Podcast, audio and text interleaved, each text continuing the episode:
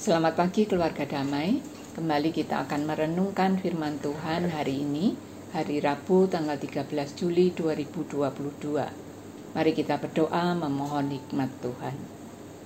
Tuhan Yesus, terima kasih untuk hari yang baru. Kembali kami akan merenungkan firman-Mu. Mari Bapa hadiri setiap hati kami. Tolong kami untuk memahami firman-Mu. Dan biarlah dengan rendah hati kami menerima firman-Mu dan siap untuk melakukannya di dalam kehidupan kami. Di dalam nama Tuhan Yesus kami berdoa. Amin. Bapak, Ibu, dan Saudara terkasih, renungan hari ini saya beri tema domba dan kambing, kanan dan kiri.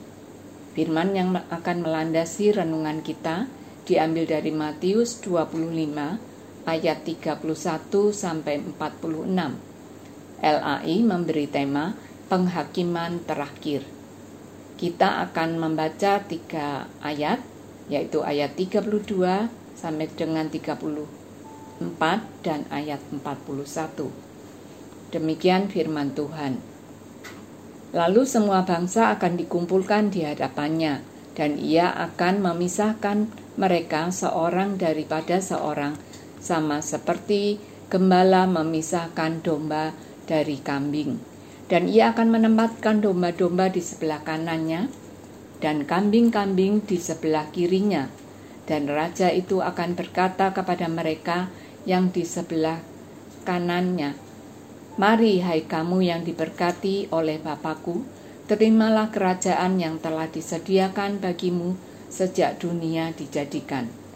Dan ia akan berkata juga kepada mereka yang di sebelah kirinya, Enyahlah dari hadapanku, hai kamu orang ter, orang terkutuk. Enyahlah ke dalam api yang kekal yang telah sedia untuk iblis dan malaikat-malaikatnya. Demikian sejauh pemberitaan firman Tuhan. Bapak Ibu dan keluarga keluarga damai, perikop bacaan kita hari ini merupakan perikop terakhir pengajaran Yesus tentang akhir zaman dan kedatangan Tuhan yang didahului dengan berbagai tanda. Gambaran mengenai penghakiman bangsa-bangsa yang setelah ia datang kembali ke dalam ke bumi. Pada akhir zaman, anak manusia yang adalah raja di atas segala raja dan suku bangsa akan datang untuk mengumpulkan semua orang. Orang-orang itu adalah orang-orang yang masih hidup pada waktu Kristus datang kembali. Dan ia akan mengelompokkan mereka ke dalam dua bagian, domba dan kambing. Yang domba diletakkan di sebelah kanan Kristus, yang kambing di sebelah kiri.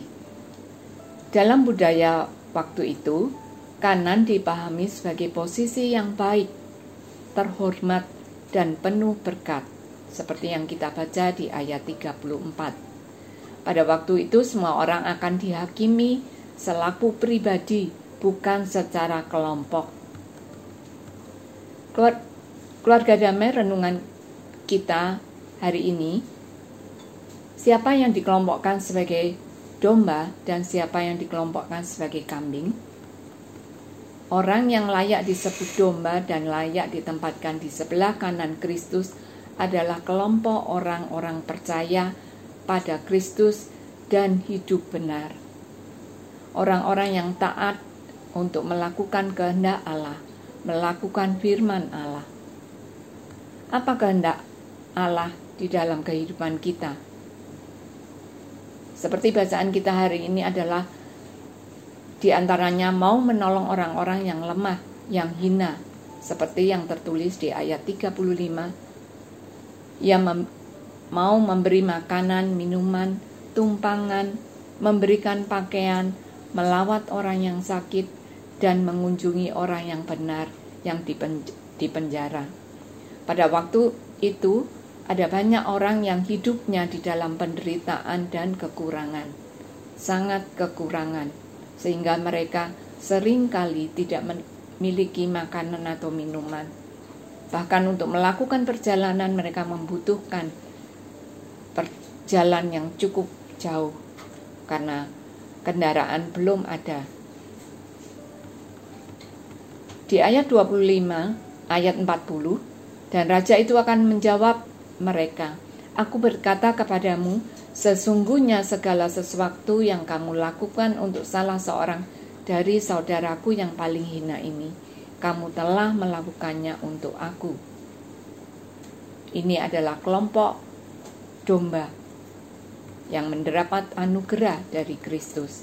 Sedangkan kelompok kambing yang ditempatkan di sebelah kiri adalah kelompok orang-orang yang tidak percaya kepada Kristus atau orang fasik atau orang yang tegar tengkuk, tahu firman Allah tetapi tidak mau melakukan firman itu di dalam kehidupannya.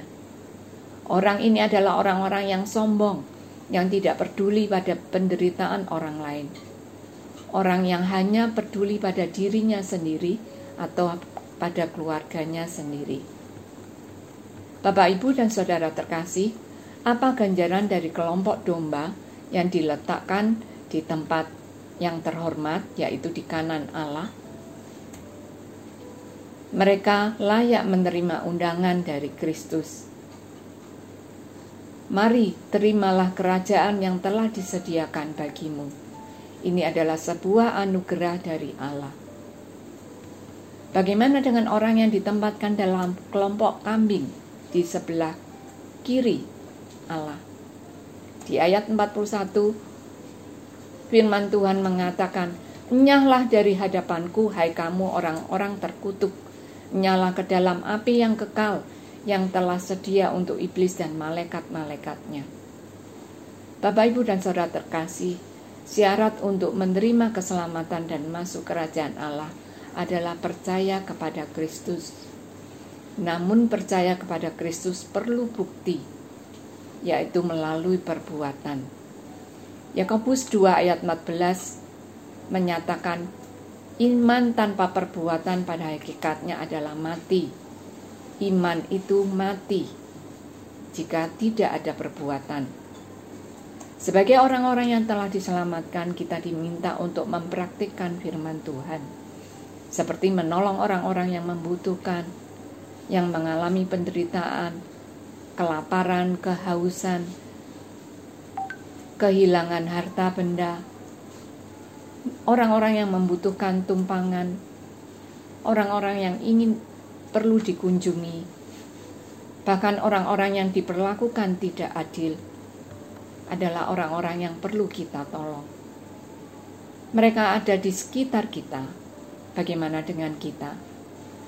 Apakah kita sudah membuka mata hati kita bahkan dompet kita untuk menolong orang-orang yang hidup di dalam kekurangan.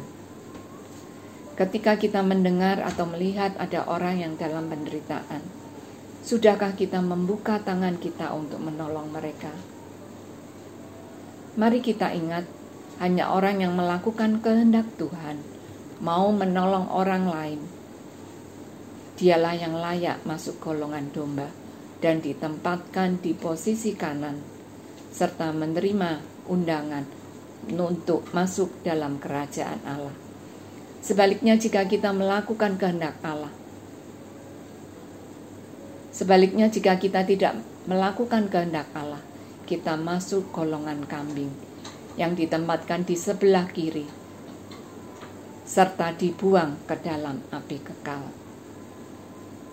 Karena itu mari kita orang-orang yang telah diselamatkan membuktikan keselamatan itu dengan perbuatan.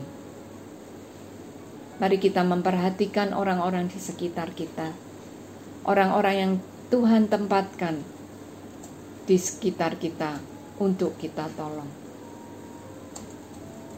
Amin. Mari kita berdoa. Bapak yang di surga, kami bersyukur untuk hari ini kami boleh kembali diingatkan oleh firman Tuhan Tuhan kiranya menolong kami membuka hati dan mata kami untuk melihat orang-orang yang ada di sekitar kami, orang-orang yang Tuhan tempatkan di dalam kehidupan kami yang membutuhkan pertolongan kami. Ampunilah kami kalau kami mungkin tidak membuka hati kami, tidak membuka mata kami terhadap penderitaan orang-orang di sekitar kami. Hari ini kami diingatkan melalui perenungan firman-Mu pada pagi hari ini. Kiranya Tuhan menolong kami untuk kami boleh melakukan kehendak Tuhan, mempraktekkan iman yang sudah kami peroleh dari Tuhan. Terima kasih Tuhan, kiranya Tuhan menolong kami untuk melanjutkan kehidupan kami dengan membuka hati dan pikiran kami, mata hati kami untuk menolong orang lain di sekitar kami. Mampukan kami untuk memiliki hati yang penuh dengan belas kasihan, seperti Tuhan yang sudah mengasihi kami. Tuhan yang terus memberkati kami, biarlah kami juga membuka hati kami untuk memberkati orang lain. Terima kasih Tuhan, kami serahkan seluruh kehidupan kami sepanjang hari ini. Kiranya tangan kasih Tuhan tetap menyertai dan menolong kami. Di dalam nama Tuhan Yesus kami berdoa dan mengucap syukur. Amin.